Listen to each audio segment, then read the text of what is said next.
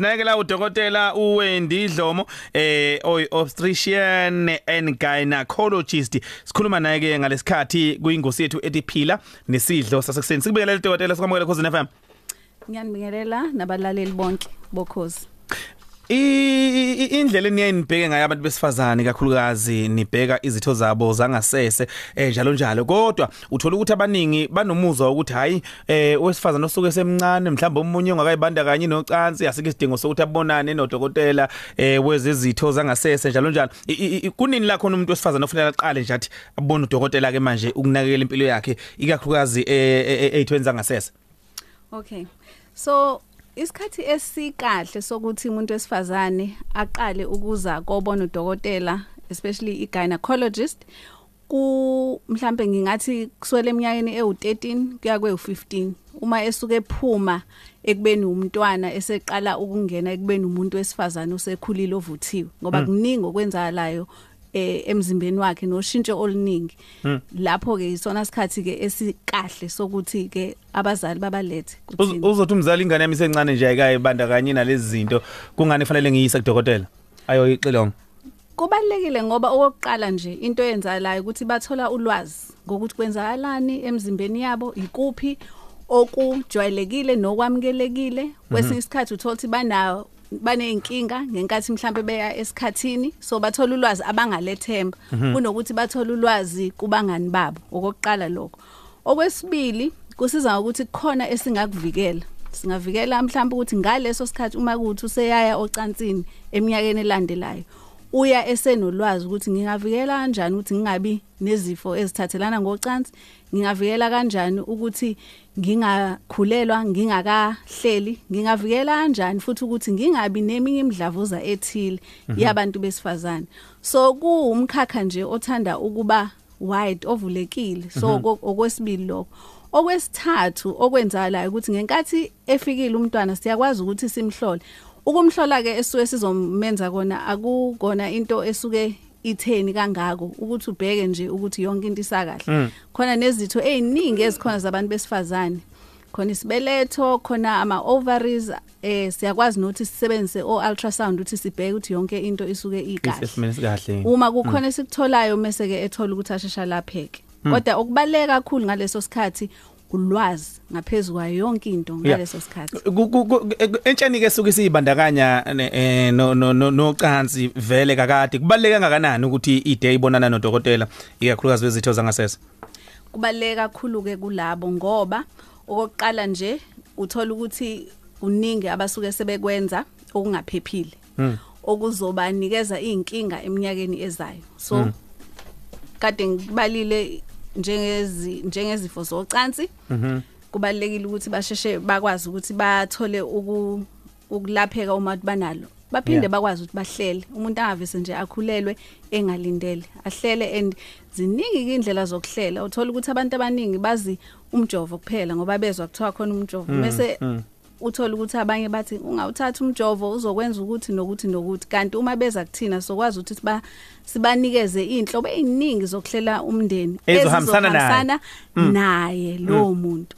Abanye uthola ukuthi ke mhlambe ke banezinye inkinga ke nje zokuthi mhlambe mawuthi sebesendaweni uthola ukuthi banobuhlungu beqiwa inyanga kuningi nje ukuthola ukuthi masuhleli naye umuntu ukhuluma naye umhlola athola usizo ngifusa ke sibhekela ngaphambi siye kulombuzo engiqeda kudingida nomfoko amavuso ake sibheke ukuthi ikhona nezinye izinto eziqashile eh umuntu osifazane mhlamba akungafanele ayiqaphele uthola ukuthi mhlamba akayinaki kanti zingawudala umonakalo ngokuhamba kwesikhathi esithweni sakhe sangasese Okay. Em ngiyabonga lo mbuzo. Okay, oqala nje singakafiki esithweni sangasese. Abantu besifazane banamabele. Kuyenzeka abantu besifazane babe nomdlavuza webele. Kusho ukuthi abe nesigaxa ebeleni. So ngesikhathi efikile kuthina siyamchecka namabele senze sure ukuthi akukho lutho mhlawumbe isigaxa esithile. Kuyenzeka impela uthola ukuthi khona isigaxa bese siyahloleka ke uzothola ukuthi usethole ukuthi mhlawumbe bekumdlavuza ngaso sikhathi. Esinye sezitho zabantu besifazane noma singekho kasese kakhulu kodwa isitho somuntu wesifazane. Okwesibili eh izitho zabantu besifazane khona ezingaphakathi khona ezingaphandle. Eh ezingaphandle. Ezingaphandle. Kulezi engaphakathi kunesibeletho sinomlomo isibeletho so lapho ke ikakhulukazi kubantu besifazane em umhlaba wonke nje nase South Africa baningi abanomdlavuza eh wesibeletho.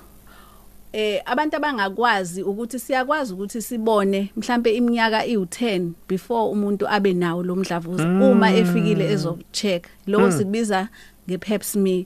And kusuke kucashile lokho kusuke kucashile akukho lutho alizwayo akaboni lutho. Mhla eseqala ukuthi mhlambe abe eh nokopha okuthile namanzi athile aphumayo isikhathi esiningi lapho kusuke ukuthi usuvela usuhlela umdlavuza. Bekuyinto bekufanele ngabe sibone eminyakeni ewu10 noma ewu15 ngaphambilini. So ke abantu besifazane njalo mabeza ke siye sikwazi ukuthi sibenze leyo pap smear sikubiza nge pap smear sikwazi Okay. ngisho ke ukugoma U- u- u- uhulumeni wase South Africa usuyagoma ugomela leyo le- le- le- leyo cancer einganeni na- ukuthi ngamhaqa umuntu ukuthi ya. ngamhaqi so ezinye zezinto esikwazi ukuzenza lo so kubalekile ukuthi umuntu afike. Eh kanjalo ke nezitho ezingaphandle uthola ukuthi umuntu eh unebala elithile yena akaza azayitshela ukuthi leli bayana noma lesi silonjana esincane esingafuni ukuphola lapha yana ngaphandle kungenzeka ukuthi seqala into mhlawumbe ewumdlavuza noma seqala into ethile Mm. Eh mase kuba ke ke eh izifo zocansi ke ezingatreathiwe ziyakwazi ukuthi zenze umonakalo omkhulu ngaphakathi mhlawumbe umuntu sekunzima uthathola abantwana ngoba sekukhona umonakalo othile esasingakwazi ukuthi simnikeze i-treatment ngesikhathi esiright Okay. Sesigoqa ke la dokotela. Nansi enye incindezi abesifazana abaningi abathola ukuthi ngenxa ungabi nalo ulwazi kahle kubantu besilisa basuke besebudlalwaneni nabo. Basuke befuna abanuke kamnandi. Eh banuka amakha isithweni sangasese. Thuka umuntu esefaka izinto esegeza ngezinto ezithize ngoba efuna ukunuka lamakha aphambene nemvelo ekhona esithweni sangasese so wesifazane. Awu- awu- Ungathini lapho sesiphetha nje? Okay lokho abanye bayakubiza ngokuthi uku- ukudusha dushing ukufaka uchatho la ngaphakathi. Eh khona futhi ezinye kusuke ngeve kuyincindezi nje kakhulu kubantu besilisa. Okunye uthola ukuthi kuyadayiswa kanti aku- aku- aku- akuhambisani kahle hle nemvelo. Umzimba womuntu wesifazane uyayigeza ngokwawo. Eh liyaba khona iphunga elithile kodwa ekungeve ukuthi lisuke li strong kangako eh iphunga mhlambe mawuthi liyashintsha lihambisana mhlambe nokungcola okuthile. Ilapho ke umuntu wesifazane ekufanele adinge ukuthi abone usizo. Uma nje ngingachaza em isitho somuntu wesifazane sanga- sangasese acidic fanele sibe acidic ukuze eh angabi mhlambe no- nokuthathola izifo ezithile so ngenkathi umuntu ke esefaka lezi zinto lezi ezibulala lokuba acidic kwakhona Kwemvelo. kwemvelo okufanele kube khona ilapho ke sezofike sethi ngiyadusha kodwa manje sengizizwa nginuka kakhulu ingoba usebulale lokhu obekade kudaliwe ukuthi kube kanjalo.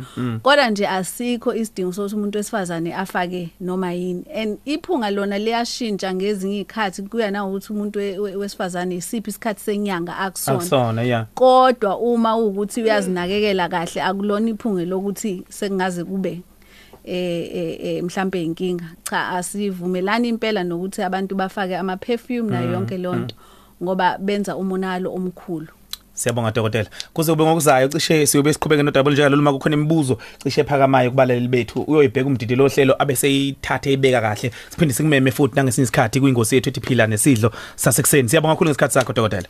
ngiyabonga kakhulu nami Udokotela ke uWendi Dlomolo eh oyi gynecologist ebesikhuluma naye ngalesikhathi.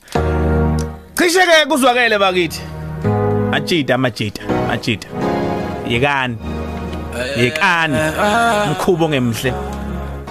ukufaka incindezi engafanele kubantu benu besifazane ngenxa nje yokuntula ulwazi hey futhi bakithi yaze zongqeqe nje andakazi nix sifundeni bakithi ngalezi zinto